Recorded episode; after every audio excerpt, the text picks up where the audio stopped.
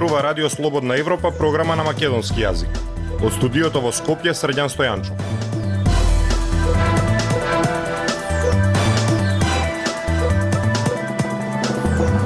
Ја слушате емисијата на Радио Слободна Европа, почитувани. Во неа објавуваме. Ковачевски, Вучич и Рама сепак ќе одат на самитот на Европската Унија во Брисел. Возачи како на автопат, велосипедисти како на Тур де Франс, пешаци со главата во мобилниот и лоши улици. Рецепт за трагедии во собраќајот. Јавната администрација почна генерален штрајк за повисоки плати. Слушајте ме. Независни вести и анализи за иднината на Македонија на Радио Слободна Европа и слободнаевропа.мк. Премиерот Димитар Ковачевски и останатите лидери од Отворен Балкан сепак ќе одат во Брисел на самитот на Европската Унија по предходното двоумење. Со тоа тие испратија порака дека Европската Унија не треба да го подценува регионот, вели политичкиот аналитичар Сефер Селими. Ковачевски, српскиот председател Александар Вучич и албанскиот премиер Еди Рама и нивните колеги од другите земји од Западен Балкан се повикани во Брисел на средба со челниците од Европската Унија што треба да се одржи в четврток пред јунскиот самит на Европскиот совет на кој ќе се разговара за проширувањето на Унијата. Пелагија Стојанчова Лидерите на Отворен Балкан испратија порака дека Европската Унија не треба да го подценува регионот и да го земе здраво за готово со тоа што прво се двуме, а потоа прифатија да одат на самитот на ЕУ во Брисел, вели политичкиот аналитичар Сефер Селими. Премиерот Димитар Ковачевски на Фейсбук напиша дека сакаат да потврдат дека Македонија, Албанија и Србија имаат европска иднина, но доколку не се обезбеди прогрес на процесот на евроинтеграција, тоа ќе е сериозен проблем и удар врз кредибилитетот на Европската Унија на Балканот. Селиме вели дека еден сегмент на пораката е да не се подценува регионот. Другиот сегмент е дека им се праќа порака на поддржувачите на интеграциите на Западен Балкан, а третиот сегмент што можеше да биде проблематичен доколку не отидеа, вели Селими, ќе се косеше со пораката од Соединетите држави дека Отворен Балкан треба да биде економска, а не политичка иницијатива. Јас се надевам дека ова нема да иде во прилог посебно не на тие кои се противеат на нашето членство и дека ќе биде сватено барем а, како предупредување или како некоја порака на незадоволство од а, сето тоа што се случува, а не како некој сигнал дека а, овој регион а, би можело да се осврне кон други алтернативи. Вели Селими. Што се однесува пак до тоа дека закочените евроинтеграции ќе се одрзат на кредибилитетот на Европската унија на Балканот, Селими вели дека тој веќе се топи. Ако гледате како а, поддршката за Европска унија се стопува помеѓу граѓаните, тоа е доволен факт дека кредибилитетот на Европската Унија е веќе нарушен во овој регион. И албанскиот премиер Еди Рама на Твитер објави дека ќе одат во Брисел, иако како што напиша, таму нема многу што да се слушне за нас. Ковачевски, Вучич и Рама и нивните колеги од другите земји од Западен Балкан се повикани во Брисел на средба со челници од Европската Унија што треба да се одржи в четврток пред јунскиот самит на Европскиот совет. За прв пат по подолго време шефовите на држави и влади на Европската Унија ќе потврдат својата недвосмислена посветеност на перспективите за членство на Западен Балкан во Европската Унија и ќе повикаат на забрзување на процесот на пристапување. Ова се наведува во нацар за клучоси до кои има пристап Радио Слободна Европа. Од почетокот на војната во Украина, Брисел ги интензивираше своите активности кон земјите од регионот во обид да му помогне на Западен Балкан да се соочи со можните последици од руските акции. Селиме вели дека процесот на проширување на Европската унија во минатото не секогаш бил поврзан со критериуми и реформи. И затоа и војната во Украина и целото помрдување на безбедносната инфраструктура во Европа налага дека овој регион треба што побрзо да се впушува во Европската Унија и мислам дека ова е многу битен момент за тоа да се направи и конкретизира. Вели Салими. Радио Слободна Европа, светот на Македонија. Возачи низ град возат како на автопат, велосипедисти како на Тур де Франс, пешаци прескокнуваат жардинјери каде што не е дозволено преминување на улицата и не ја креваат главата од телефон. Возачи под дејство на дрога и алкохол. Дополнително на тоа, лошите патишта и сообраќајна сигнализација придонесуваат да се случуваат голем број на сообраќајни несреќи, во кои жртви се почесто се пешаци и велосипедисти. Според експертите, полицијата треба да биде поригорозна, но велат дека народот генерално не сака да почитува правила. Прилог на Владимир Калински. Прегазениот велосипедист на раскрсницата на улицата Митрополит Теодоси Гологанов од пред неколку дена е меѓу последните примери кои покажуваат небезбедноста на сообраќајот на ниво на цела држава. Иако полицијата секојдневно објавува извештаи за стотици казнети учесници во сообраќајот, прашање е колку е ефикасен методот што го применуваат, бидејќи прегазените пешаци и велосипедисти, но и судирите на возачи на автомобили и моторцикли често е полнат рубриката Црна хроника.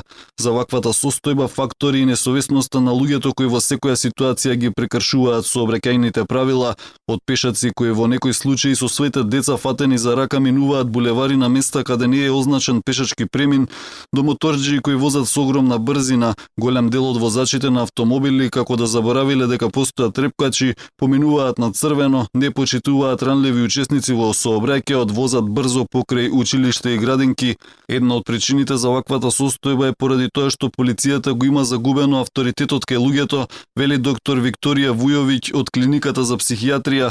Од друга страна, вели таа, голема е употребата на психоактивни субстанци кај возачите дрогите, алкохол, тутун и дроги, а фактори и заморот, дефокусираноста при возењето, употребата на мобилни телефони и слушање гласна музика. Таму каде што е во прашање алкохол. Значи, зборам високи количини алкохол и нарушување на сообраќајот, одземање на возилото, трајно. Вели Вујовиќ, Министерството за внатрешни работи дневно објавува извештаи во кои наведува дека спроведува засилени контроли во сообраќајот. Според вчерашниот извештај, санкционирани биле околу 240 возачи на возила поради недозволена брзина, некои од нив возеле над 70 км на час повеќе од дозволената брзина од 50 км на час.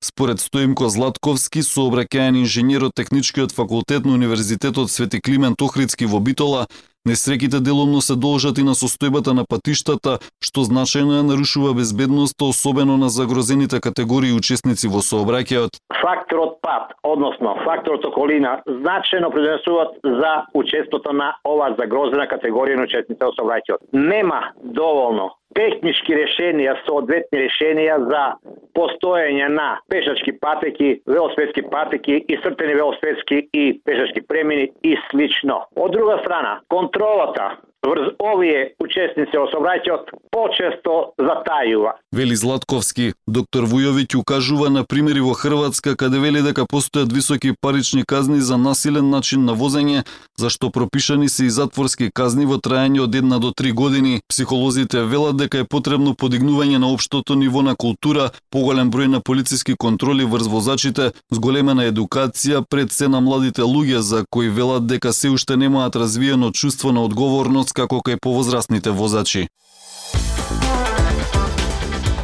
Слободна Европа. Следете на на Facebook, Twitter и YouTube. Јавниот сектор почна генерален штрајк. За време на штрајкот ќе работат само 10 од 100 од вработените. Тие бараат линеарно зголемување на платите за сите вработени за по 2800 денари и исплата на К15.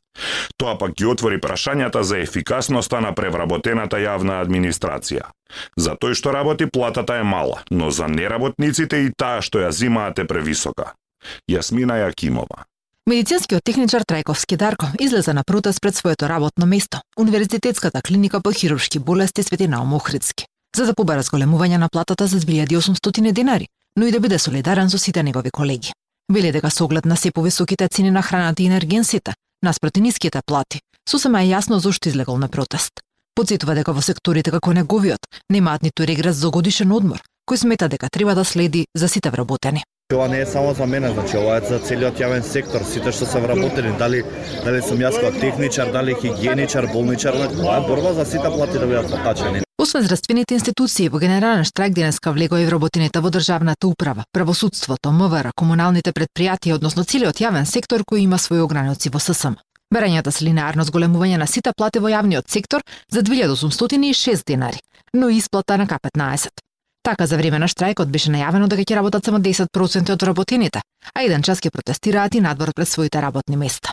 Синдикалните лидери пак застанаа пред собранието, каде поставија 120 столчиња колку што има претеници, за да ги подсетат дека треба да бидат усвоени синдикалните барања.